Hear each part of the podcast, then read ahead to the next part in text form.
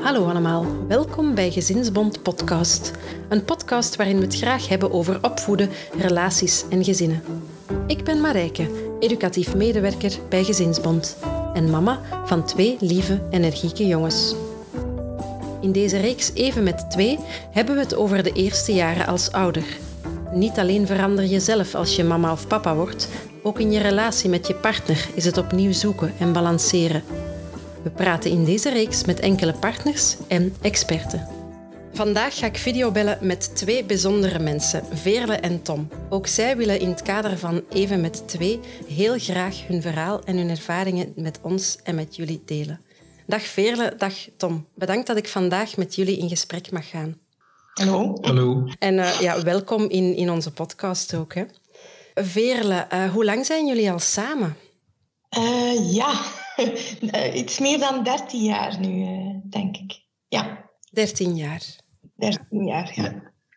En um, hoe hebben jullie elkaar leren kennen? We hebben elkaar leren kennen op reis. Uh, dat klinkt heel romantisch, maar het was eerder een, een samenloop van omstandigheden. Wij zijn beiden spoorwegkinderen, noemen we dat. Um, zowel Tom, zijn vader, als mijn vader werkte voor de NMBS. En um, dan kon je je kinderen zo laten meegaan op groepsvakanties in binnen- en buitenland. En dan op een reis in Marokko zaten wij in dezelfde groep. Uh, en ergens halverwege die reis um, hebben wij elkaar uh, wat dichter leren kennen. Maar dat was met een vriendengroepje van een vijftal mensen. Waarvan er een paar elkaar kenden. En waar dat ik dan bij één iemand aanhing en Tom bij iemand anders aanhing. Um, nu, op dat moment was er geen sprake van enige vonk. Mm-hmm. Wel een, vriendschappelijk. We hadden toen alle twee een relatie. We woonden ook niet bij elkaar in de buurt.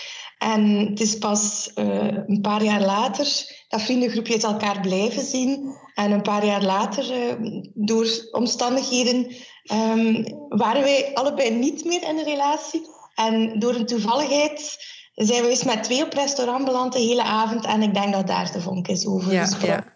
Toen bleek dat we uh, in het vriendengroepje het goed met elkaar konden vinden. Ja, dat ligt soms aan de dynamiek van de groep. Maar als je dan toevallig met twee uh, een hele avond met elkaar doorbrengt en dat is heel plezant en je mist eigenlijk de anderen uh, niet van oei, er vallen hier rare stiltes en zo. Toen bleek dat het ook onderling met ons twee uh, heel goed klikte. En dat Ja. heeft niet meer zo lang geduurd. Hè. Dat Nee. eh, geregeld en in de chakras was. Oké, maar jullie kenden elkaar dan ondertussen al wel een aantal jaren, hè, als ik Ja. het uh, goed begrijp. En hoe oud waren jullie toen, uh, Tom? 2007, Ja. dus uh, 23.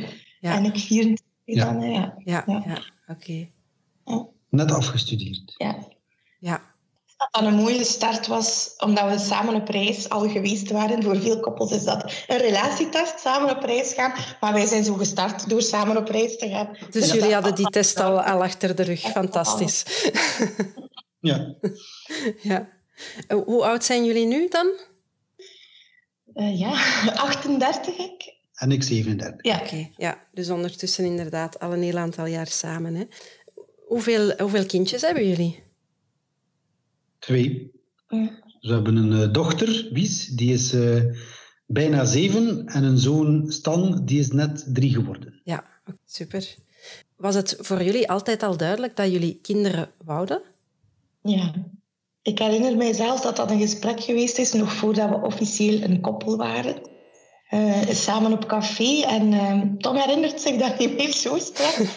Maar ik weet eh, dat hij toen zeer stellig zei: Ik wil sowieso kinderen. En dat was voor mij. Dat hield voor mij heel veel in, dat voor hem misschien op dat moment nog niet zo concreet was. Ehm, dat hield voor mij in dat er ehm, mogelijkheden waren, naar stel dat het niet vlot gaat om zwanger te geraken, eh, dan kijken we naar alternatieven. Dat hield voor mij in dat adoptie voor hem bespreekbaar was. Ehm, en en eh, ja, dat we sowieso op weg waren ooit dan eh, naar een gezin. Ja. Ook naar aantal kinderen was dat vrij snel duidelijk. Uh, ik wou er graag vier en dan uiteindelijk zijn we op drie geëindigd. Ja. Uh, ja. En dat is al heel lang, zit dat zo in ons hoofd. Dus ja, we hebben er nu twee. Maar het ja. derde plaatsje is echt nog vakant en proberen we nu in te vullen. Ja, Ja. ja. je geeft het zelf al een beetje aan, hè, Veerle. Ehm, je, voor, voor jou was het dan heel duidelijk hè, dat, dat, die, dat dat gezin er moest komen, zou ik bijna zeggen. Hè. Of dat, dat, dat was voor jullie iets heel belangrijk, hè, om die kinderen erbij te hebben. Um, maar je geeft zelf al aan van, hè, moest het dan ooit een moeilijk traject worden, dan weet ik, hè, op dat moment in dat café weet je van, Tom, die gaat er mee voor gaan. Um, en het is geen evident traject geweest voor jullie, hè? Nee, nee. Uh, nee, ik denk dat wij, wanneer zijn we begonnen uh, aan het concretiseren van onze kinderwens? Ja, uh, lang geleden. Dat is al een tijdje geleden, ja. Het is al een jaar of negen. Nee, langer. Of tien, ja. Tien, elf, denk ja. ik. Hè. Um, en eigenlijk hebben wij toen van in het begin gezegd van kijk, aangezien adoptie voor ons een, een optie is, hè, dat we daar uh, ja, dat we daar willen in meegaan of dat we dat als, als een mogelijkheid beschouwen, hebben we ons meteen op de wachtlijst gezet, gelukkig. Ja. Uh, zelfs voordat we de eerste keer uh, probeerden om, om zwanger te geraken. Um, en dat ging dan niet van een leien dakje, dus dat heeft wel een aantal jaar geduurd. Nee, adoptie niet, maar het, het zwanger geraken. Ja. Dus dat heeft toch een jaar of drie geduurd. Nu, uiteindelijk is Wies geboren, dus allez, op zich is dat ja, een van de mooiste dingen in je leven natuurlijk ook bij de tweede, dus bij Stan was het ook al niet zo uh, evident. Maar goed, die is er intussen ook gekomen. Hè, ja. Met een hulp van de medische wetenschap.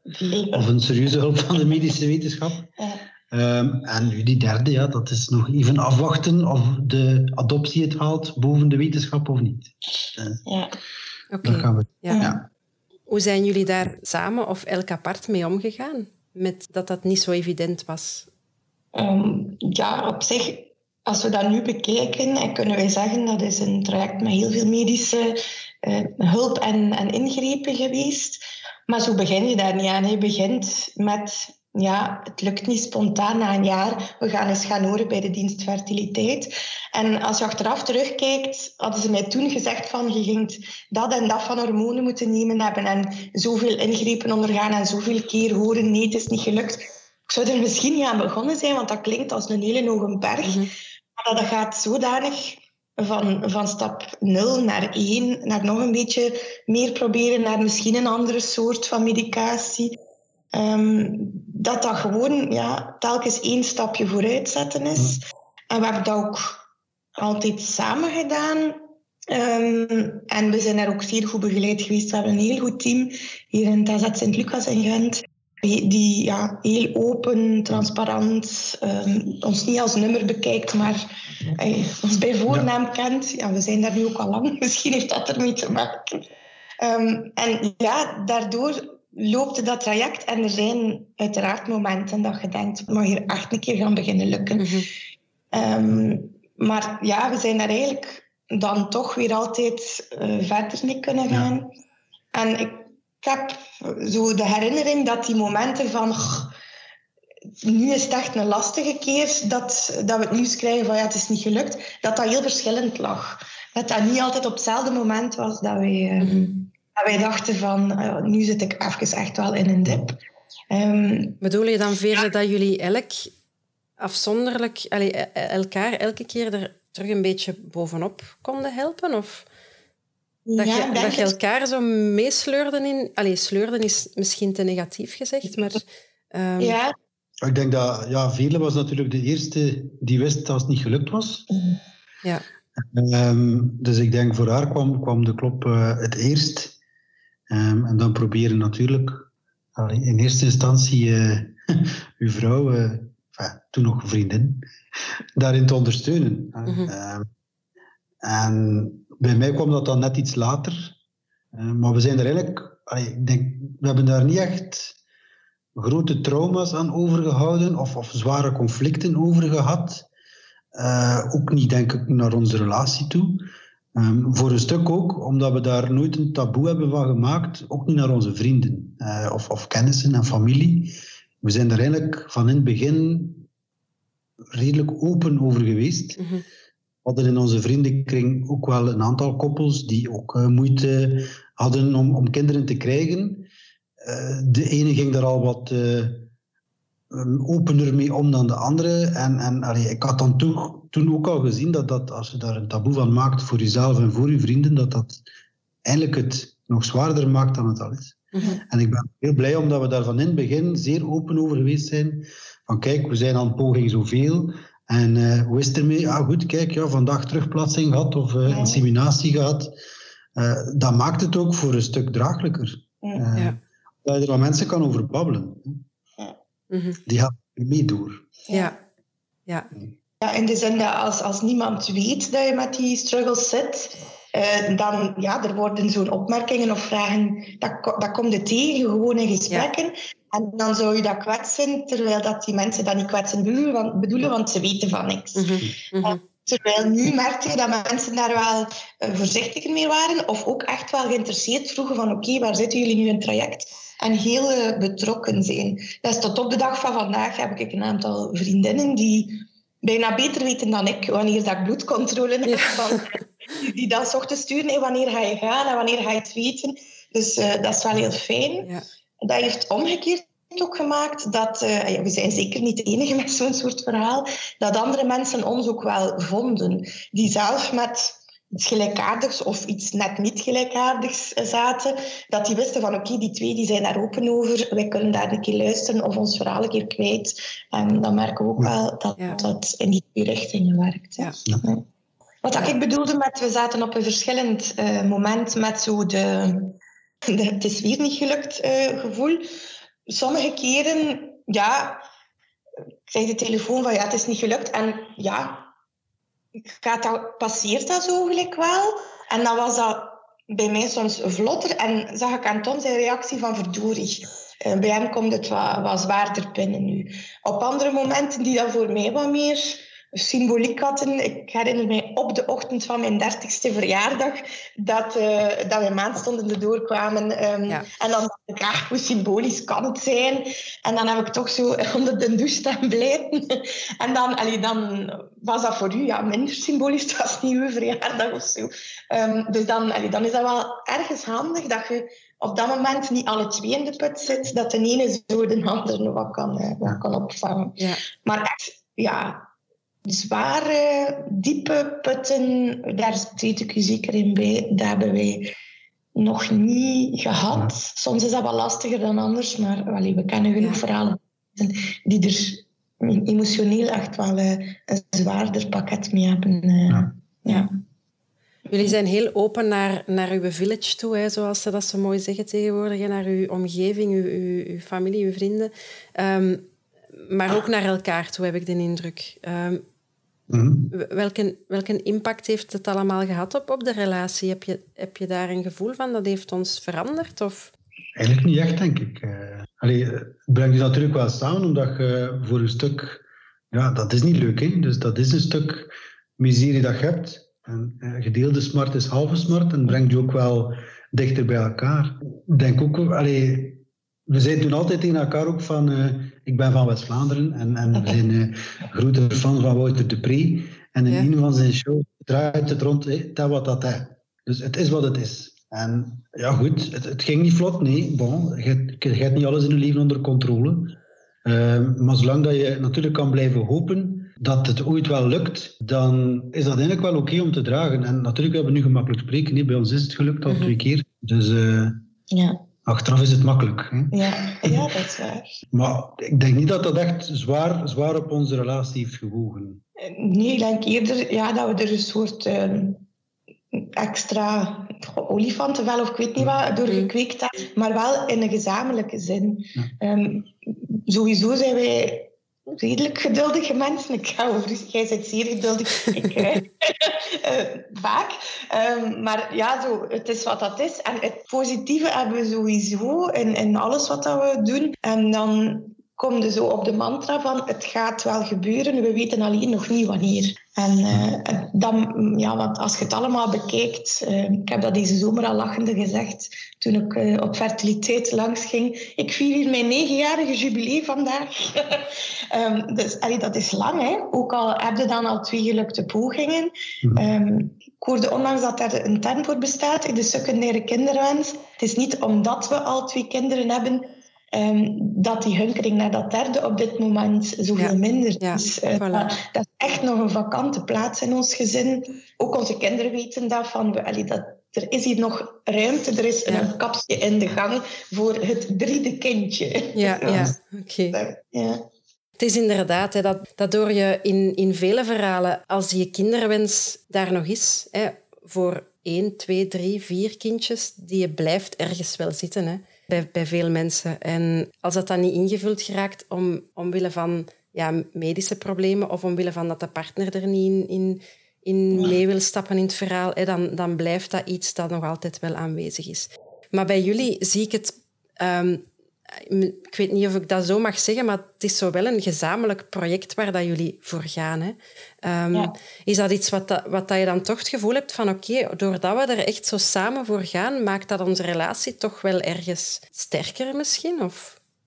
Ja, zeker. Ja. Ik denk dat het een heel ander verhaal zou zijn als uh, een van ons twee nu zo uh, gezegd hebben van we hebben er al zoveel voor moeten doen. Het is mooi met twee. Um, en, en dat de ander niet dat gevoel heeft. Dan denk ik dat je op een heel ander domein terechtkomt. Maar ja, wij weten heel goed waarom dat we drie kinderen willen. En, um, en ja, Tom zegt wel altijd, ja, omdat ik qua medische opvolging wel de zwaarste uh, dingen te slikken heb, letterlijk, een figuur. Allee, het is niet dat hij mij zegt van je moet per se doordoen, want wij willen hier dat derde kind moest ik zeggen van, dat, eh, ja, ik zie daar te veel van af fysiek. Um, en ik zie het niet meer zitten, Allee, dan, dan gaat dat gesprek gaan plaatsvinden en dan besluiten wij samen van oké, nee, dat is ons niet meer waard. Mm dat, dat, zou kunnen. Maar op dit moment is dat niet zo en ik denk ook niet dat dat snel zo zal zijn. Ook, ja, wij hebben heel lang geleden uh, een, een, een inschrijving gedaan voor een binnenlandsadoptie begonnen als we gaan gewoon eens gaan luisteren, maar ja, hele traject ondertussen doorlopen. Wij, zijn, uh, wij hebben een, een goedkeuringsattest, ding gekregen, de vonnis van de rechtbank. Um, dus allee, ook dat traject uh, doet wel iets met, u, met uw relatie, maar dat betekent voor ons concreet, als het, allee, als het niet medisch lukt, wij, dan die adoptie, dat blijft lopen. Het feit dat wij nog altijd zelf aan het proberen zijn, dat was eigenlijk niet echt de bedoeling. Wij wouden ook wel dat adoptiekindje, maar um, ja, daar hebben we dan toch nu anderhalf jaar geleden, zeker, of twee jaar geleden, uh, op een infosessie nog maar eens te horen gekregen van het gaat echt nog lang duren. En uh, toen we naar huis reden, dachten we van oké, um, we hebben ergens de kans om het ook nog zelf te proberen, ook al is het met veel inmenging van de medische wetenschap we gaan toch dat ook nog proberen. Dus momenteel werken we aan die twee dingen parallel. Allee, eraan werken bij de adopties, vooral wachten. Dat kunnen we ondertussen heel goed. Ja. Uh, Want jullie zitten nu, 10, 11 jaar geleden, hebben jullie die eerste infosessie gevolgd dan? Ja. Ja. Dat is inderdaad een, een stevig taaltje van geduld oefenen. Het heeft er ook mee te maken dat het een binnenlandse adoptie is waarvoor gekozen. Dat is sowieso al langer dan buitenlands.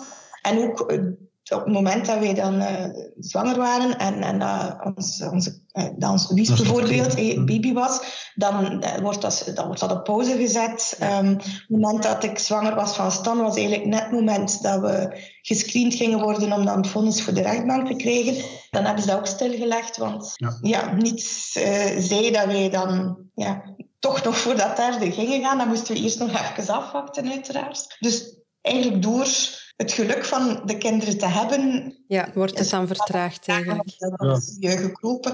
Um, en op die manier ja, zitten we nu zo wat ja, op twee hete ijzers. ja. Ja. Zo, zo heel die screening dat je doormaakt voor een, een adoptie, daar ja, ga je ook in gesprek met allerlei mensen over jezelf en over je relatie. In welke mate heeft dat effect gehad op, op, op, uh, op wie dat jullie nu zijn, op, op hoe dat jullie samen er staan?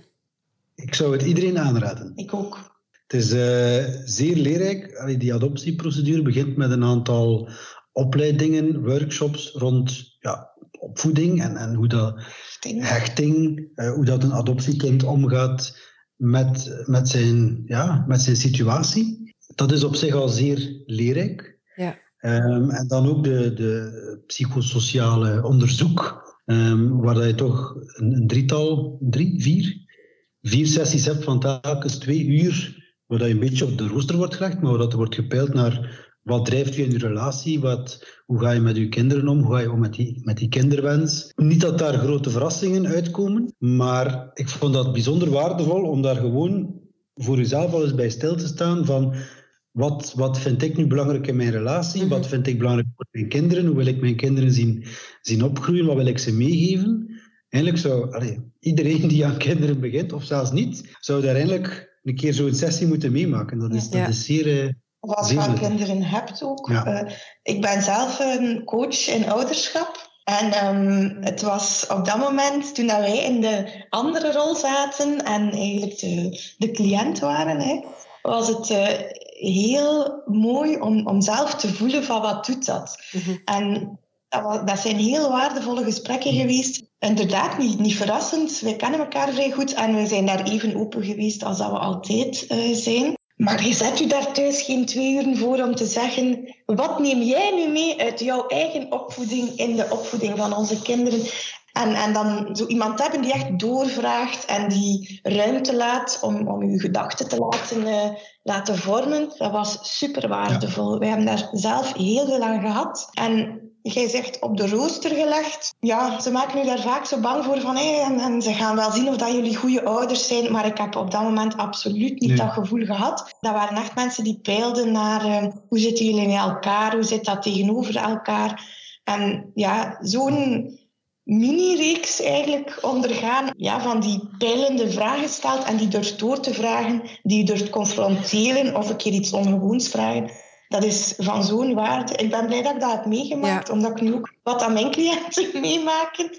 En um, ja, op zich hebben wij niet, we denken, uh, grote problemen uh, in ons gezin of, of, of, in onze, of in de opvoeding met de kinderen. De gewone struggles, denk ik.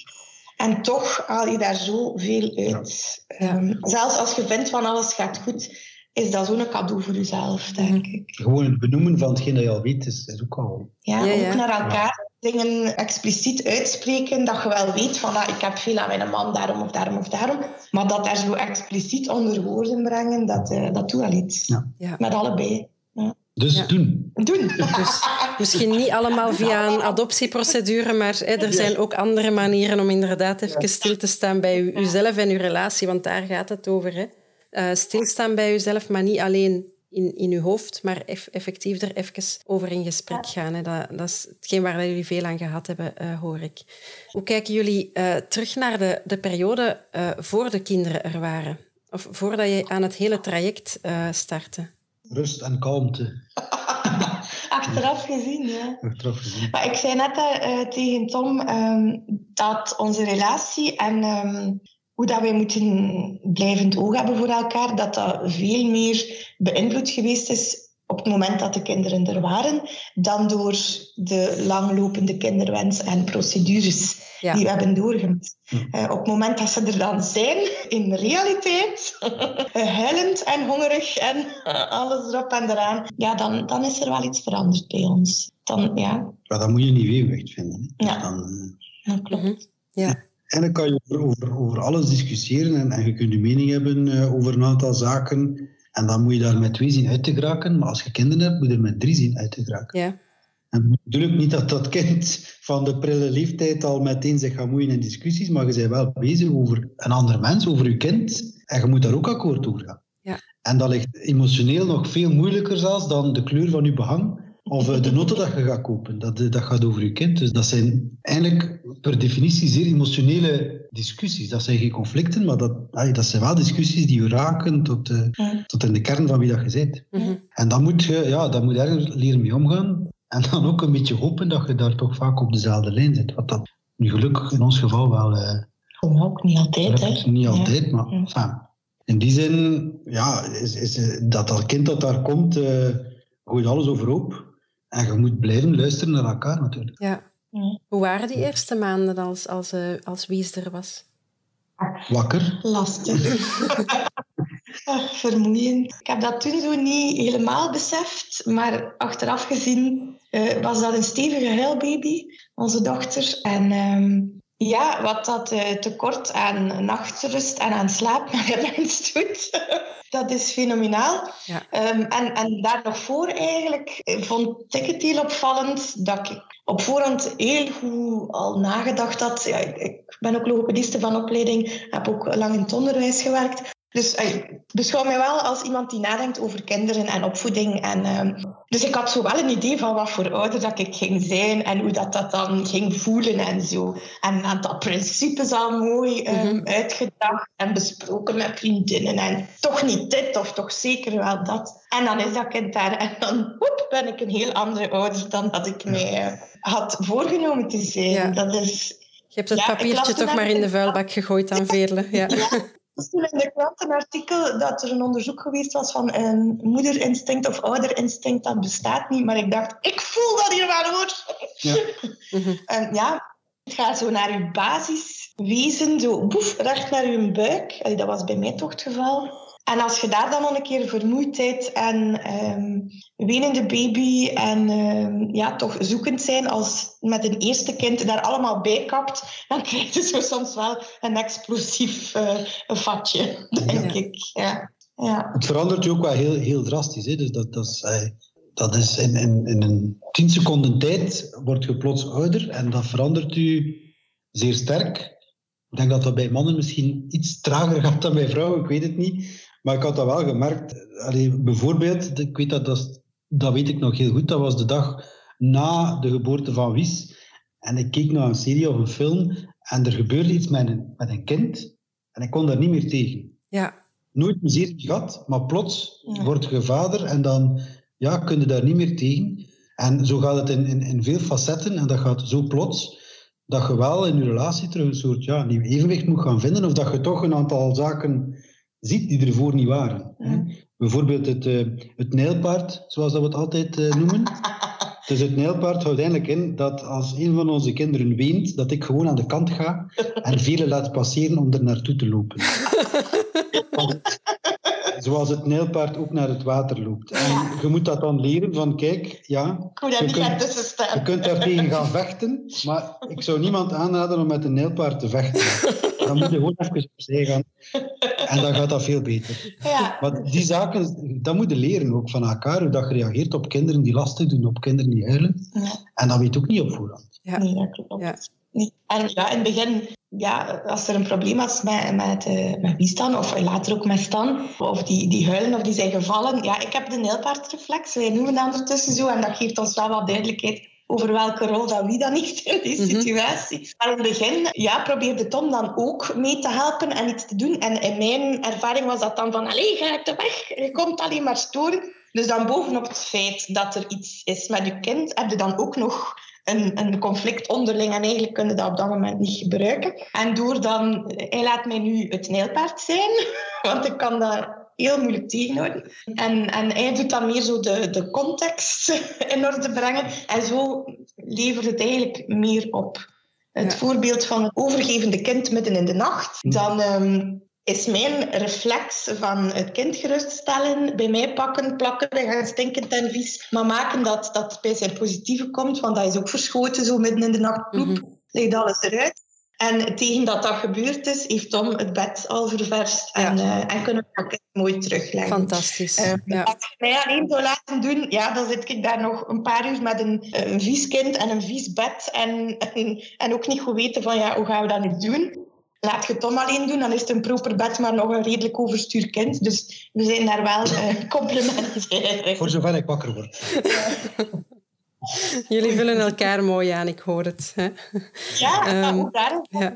het gewend om een rol opnemen. En ja, dan moeten we van elkaar wel zoeken van waar zit jij dan eh, sterker in? Of, of waar kan ik u niet in tegenhouden? Of, ja, ik zou ook graag dat kind vastpakken dan, maar ik weet dat dat niet de Mhm. kortste weg naar de oplossing is. En op Ja. dat moment gaan we dus niet de beste keuze.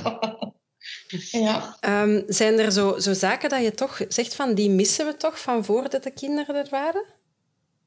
ja. Nachtrust, nog steeds. Nog steeds. Nog steeds. Ja, slaap, slaap, slaap. Ik kan het niet genoeg zeggen. Mhm. Ehm, meeslapen als ze baby zijn en ze liggen te dutten. Dat is heel mooi en je kunt daar uren naar kijken. Maar doe het niet, slaap. um, dat is uh, heel bepalend. Dus allee, ik let daar ook wel op. Uh, in de week het kan heel gezellig zijn, samen in de zetel nog een serietje kijken. Maar als ik voel van eigenlijk moet ik nu gaan slapen, dan moet ik dat gewoon niet doen. Ja. Want er wordt niet beter van um, als er dan in de nacht nog onderbrekingen zijn, dat de kinderen wakker zijn. Dan ja, op den duur betalen we daar allemaal de rekening voor. Ja. Dat, uh, dat missen we. En ook hadden wij een heel vol sociaal leven. En dat hebben we ja, buiten coronatijd nog steeds. We hebben nog altijd mensen die zeggen van, amai, jullie agenda. Maar het is toch al veel minder dan daarvoor. Ja. En dat begin zoeken. Uh, ik had al last mee. Tom had daar last mee. Uh, ik had ergens niet de luxe om daar veel bij na te denken, want ja, uiteindelijk, ik was bevallen, moest daar nog van recupereren, was borstvoeding aan het geven. Um, de veelhuilende baby. Dus voor mij was dat redelijk duidelijk van oké, de komende tijd ben ik nu opgesloten moeder met kind, om het nu heel kort door de bocht uit te drukken. Maar Tom had ergens ja, wel nog de mogelijkheid of de vrijheid om toch wat en nog af te spreken met vrienden of, of weg te gaan. En ja, bij hem was dat meer een keuze, denk ik, die dan ja, toch wat minder kon gemaakt worden. Uh, wij waren gewend van uh, vrijdags na de musicalrepetitie van de groep, waar we in, uh, in meespelen, om dan samen op café te gaan. En ik zie ons nog de eerste keer naar huis rijden na de repetitie. Niet op café. Oh, amai. Dat was niet... Dat was een lastig moment. Dat was lastig, ja. Ja. ja. Maar goed, dat went. En dat komt terug. En je hebt daar dan ja. toch een, een manier in gevonden om daarmee om te gaan, allebei? Oh, op den duur besef je ook wel dat, uh, dat er iets anders in de plaats is gekomen. Hè? Ja. Dus uh, je kunt ook niet verwachten als je kinderen krijgt dat je leven verder gaat zoals het vroeger was. Mm-hmm. En dat het er gewoon op bij ja. Zo. Nee, dat gaat niet. Ja. Dat, dat, gaat gewoon niet. En allee, dat heeft misschien een aantal weken geduurd om dat te aanvaarden, maar op zich is dat wel relatief snel gegaan. Mm-hmm. het ongeplande moet je natuurlijk wel laten varen. Dus, het moet wat beter gepland zijn. Je hebt een babysit nodig als je uh, ja. weg wilt. Dus kun je op de bos beslissen van, ah kijk, en nu zijn we weg. Ja. Dat gaat eruit, maar bon, zo ja. so be it.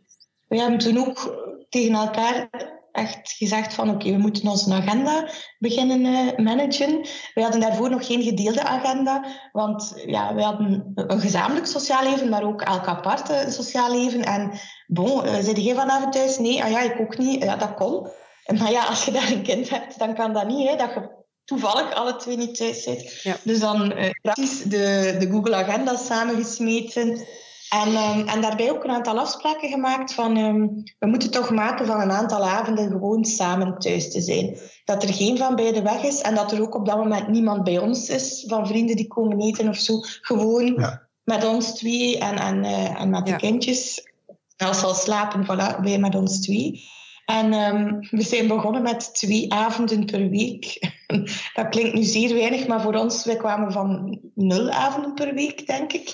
Dus um, dat was al een grote stap. Mhm. En ja, nu met corona hebben we een overdaad aan samen thuis zijn. Allee, dat heeft ook wel uh, zijn vruchten afgeworpen. Um, maar ja, dat soort dingen. Van echt te kijken, bijna structureel, van, van dingen in te plannen. Ja. Zowel de avonden thuis als samen weggaan. We hadden, ik hoorde dat van vrienden die zeiden van wij boeken een babysit om samen op restaurant te gaan. En op het moment dat we terug thuis komen, boeken we die een babysit direct terug opnieuw voor een week of drie daarna. Ah ja, oké. En die een waardevolle tip, want onze, allee, onze agenda's zitten meestal vrij vol. Dus om dan zo te zeggen, oh, zouden we deze week niet nog eens op restaurant gaan, dat kan er dan niet meer bij. Dus eigenlijk moet dat eerst vaststaan. Uh, plus de twee avonden uh, dat we dan samen thuis zijn. En daar rond kan dan de rest gepuzzeld worden. En die twee Ja. avonden samen thuis is echt om met elkaar samen thuis te zijn. Elkaar en ook met de kinderen op zich. Ja. Ja, maar oké, die gaan dan wel redelijk vroeg al slapen. Het zijn jonge kinderen. Ehm, ja, en dat stelt niet altijd zoveel voor. Het is niet dat wij daar de diepzinnige gesprekken hebben met een goed glas wijn en zo. Dat, dat kan even goed zijn dat jij nog eh, een verslag aan het typen bent voor je werk. eh, of dat we, dat, dat, dat we de vaatwas legen. Of, of nog een, een serietje kijken. Of, ja, dat is niet, daarom niet zo heel veel bijzonder. Maar gewoon weten van, als het nodig is... Allee, we zijn nu gewoon op ons gemak thuis. Ja. Dat is ook een rustmoment. Ja, het, het, haalt even de snelheid ook uit je, uit je leven. Hè. Ja. En dat is niet slecht als je kleine kinderen hebt. want, Mhm. allee, je moet niet elke avond een baby zitten, dat is ook niet wat... Allee, Nou, dat zou ook niet zitten. Maar ik had dan net, daar, Ja. daar heb je geen kinderen voor. Zijn er zo kleine dingetjes waardoor dat je toch zegt van zo blijf ik aandacht hebben voor, voor mijn partner? Geen zo vast structurele dingetjes. De spontane Ja. momentjes, zijn die er? Of? Ja, eh, en ja, zo vaak wel onverwacht. Of ja, ik heb eh, een bepaald geitenkaasje met een in Geneve gedrenkte krentjes dat ik heel graag eet. En als Tom voor zijn werken daar in de buurt moest zijn, dan brengt hij dat mee. Ja. Ehm, zo, ja, een keer een berichtje overdag. Of ehm, ja, het zijn echt dingen, hele kleine dingen. Want uiteindelijk zijn ze, zijn ze zo bezig heel de tijd vooral. Hè? Ja. Dus eh, Ik denk een geitenkaasje wat je heel graag eet, dat zomaar Ja. krijgen eh, Ja. op de avond, dat dat al heel erg toont van hij heeft aan mij gedacht. Hè. Dus Ja, eh, dat, is, dat is zeker een mooi voorbeeld. Ja. maar, Of eh, een kopje koffie als ik telewerk. Ja, of jij bent aan Een het koffie- telewerken. een en koffie brengen. Dan, ja, Met een chocolaatje. Mm, Uiteraard. ja. zo, ja die, die kleine dingen. En ook meer zo de verdeling wat in het huishouden vinden. Ehm, omdat je ook wel voelt van elkaar van ja, gewerkt, die kinderen er nog bij. Riet, het, zijn, het zijn dagen, hè. en ehm, ik heb de, de luxe om, om ook wel bijvoorbeeld op woensdagnamiddag of in de schoolvakanties er vaak te kunnen zijn voor de kinderen. Maar dat zijn niet mijn meest relaxte dagen. Op zich ben ik soms uitgeruster als ik gewoon een dag ga gaan werken dan een dag met kinderen. Hoewel dat, dat zeer plezant is en dat ik dat heel tof vind dat ik dat Mhm. kan doen. Dat is ook een bewuste keuze. Maar dan, dan gaat Tom ook niet als hij thuis komt zeggen van oei, en het is hier die proper en de vaatwas is niet geleegd. Dan heeft hij wel door van het zal, het zal al goed Mm. geweest zijn, ik zal ik die de vaatwas hier even doen. eh. Ja. En, en zo allee, draagt je het samen, de Ja. dingen die er ook nog ja, bij horen. Ja. Dat was ook wel waardevol in die zin. Ik ben, eh, toen dat Wies geboren is, en Stan ook vier vijfde gaan werken. Dus dat is ah, vaderschaps, ouderschapsverlof. ouderschapsverlof. Ja. Eén dag per week was ik dan thuis. En dan kon veel een keer gaan werken of iets anders doen. En dan heb je er wel begrip voor dat eh, het vullen of legen van de vaatwas in een dag tijd, dat dat al een prestatie is. Ja, ja, absoluut. Ik wel begrip voor het feit dat Ja. er eh, zeer veel liggen. Ja. Er, er, zijn, er dat- een andere mama van, het was al ferm als ik mij op het einde van de dag gedoucht had. Hè. Ja, Ehm, ja. ja, voilà, Dat zo is het. Hè.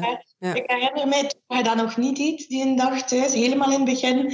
En dat ik eens morgens naar je werk vertrok en ik zat eh, op bed borstvoeding te geven aan Wies. En ik denk drie of vier uur later tegen de middag kwam hij terug en ik zat daar nog steeds.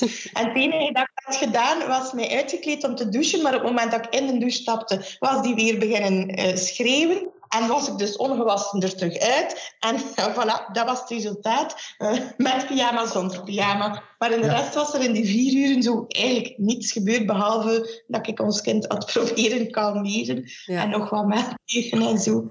En dan, ja, dan, dan komt hij binnen en zegt hij, zit jij hier nu nog? Maar dan effectief, de eerste dag dat jij dan hè, alleen met Wies thuis was, s'avonds was het begrip er. Ja. Direct. Voilà. Oké. Ja. ja. Ehm, Tom, denk je dat jullie anders in het ouderschap staan dan dat jullie zouden gestaan hebben als je niet het hele traject had moeten afleggen dat je hebt afgelegd? Hmm. We zouden in elk geval wat jonger geweest zijn. dus Ja. dat maakt al een verschil. Eh, ik denk ook wel in onze vriendenkring enzovoort gingen we quasi de allereerste geweest zijn met kinderen. Het is ook altijd nuttig als je een keer kunt eh, vergelijken of raad vragen bij vrienden en familie eh, die al kinderen hebben. Mhm. Ehm, ik denk wel dat, dat de, het traject op zich u, u bewuster laat omgaan met, u, met uw kinderwens. Dus dat je er ook wel misschien meer bij stilstaat van waarom wil ik eigenlijk kinderen en, en dat je daar op een andere manier aan begint. Of dat dat dan een grote impact heeft op de manier waarop dat je er mee omgaat een keer dat ze er zijn.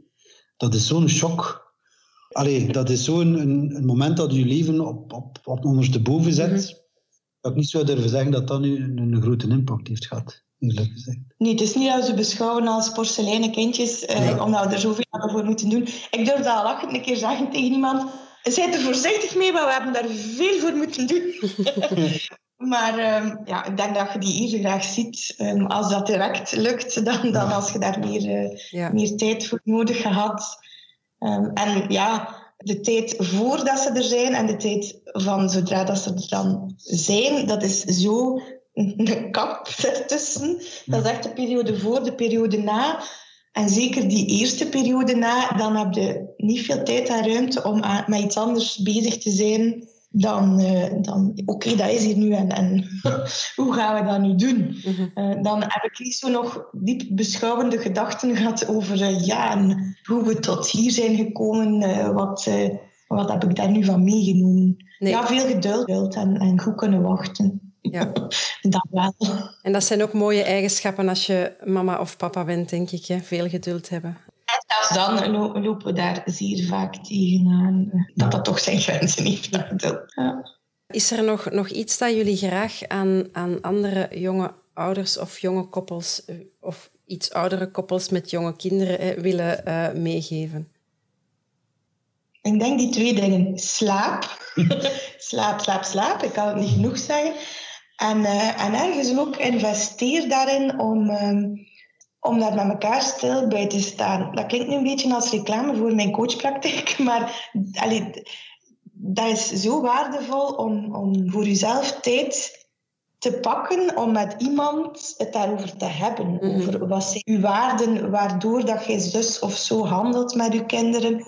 Um, je zit daar met twee mensen, dat is sowieso verschillend, ook al heb je een grote gezamenlijkheid zitten daar toch andere accenten in. En um, denk door dat uitgesproken van elkaar te weten, ehm, dat je ten eerste al veel meer begrip uh, hebt voor elkaar en dat je in heel concrete situaties um, ja, anders gaat handelen, omdat je weet, ja, die denkt zo, ik denk zo, eigenlijk is dat ons gezamenlijkheid, dat je daar veel meer ja, vooruit samenwerkt dan dat je elkaar soms onbewust of bewust tegen, uh, tegenwerkt. Dus ja, investeren in, in, het, in een thema dat op je kop gegooid wordt, namelijk het ouderschap, dat is echt zo van belang, want ja, je gaat daar niet voor naar school. Hè van uh, wat gaan we doen. En er zijn heel veel boeken en er zijn nu ook podcasts. En uh, er is vooral heel veel advies van mensen rondom u, vaak ongevraagd en niet gepast of, of wel werkend voor het daggezin, maar niet voor u. Dat je, dat je daar voor jezelf echt tijd en ruimte voor mocht claimen, vind ik. Ja.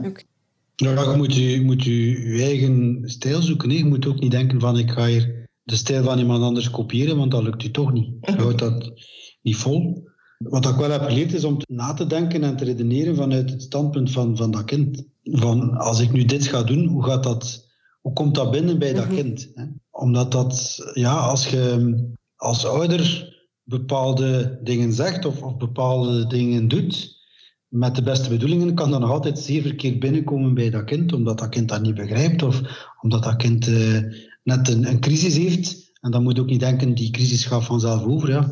Dat zijn dingen dat, dat, dat, die ik toch wel geleerd heb. Uh, ja. Mhm. om, om niet vanuit je eigen kader te denken, maar te denken vanuit het kader van het kind eigenlijk. Ja, ja. dat is mooi. Ik heb nog uh, één laatste vraag voor jullie. Uh, wij verzamelen bij de Gezinsbond momenteel toekomstwensen voor gezinnen.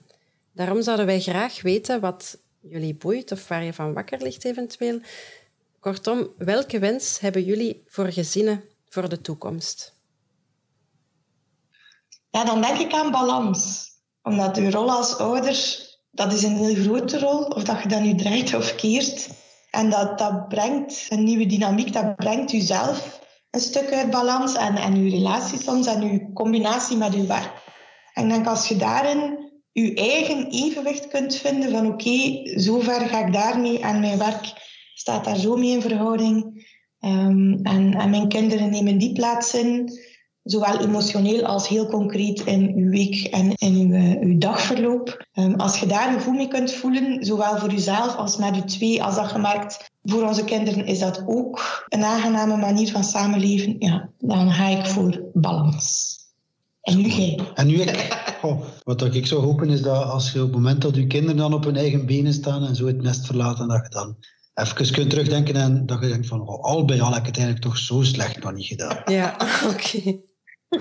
ik vind dat een hele mooie aanvulling, Tom. uh, Goed is goed genoeg. Voilà. Oké. Okay. Ehm, Veerle en Tom, super hard bedankt om jullie, ja, jullie, jullie bijzondere, met momenten ontroerende en warme verhaal uh, met ons te willen delen. Hè. En, en vooral met de mensen thuis. Ik hoop dat jullie heel veel mensen hebben kunnen inspireren. En ja, wie weet, tot, uh, tot nog een keer. Hè. Ja, met plezier. Bedankt. Dit was het weer voor vandaag. Wil je in de toekomst nog meer van deze podcast beluisteren?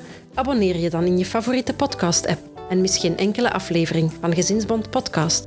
Laat ons weten wat je ervan vindt via een recensie in je favoriete podcast-app of stuur een mail naar podcast.gezinsbond.be. Wil je op de hoogte blijven van de laatste updates? Volg ons dan op Facebook en Instagram. Zin om nog wat meer te lezen? Neem dan een kijkje op goedgezind.be. Zo, iedereen thuis, bedankt om te luisteren en tot de volgende keer.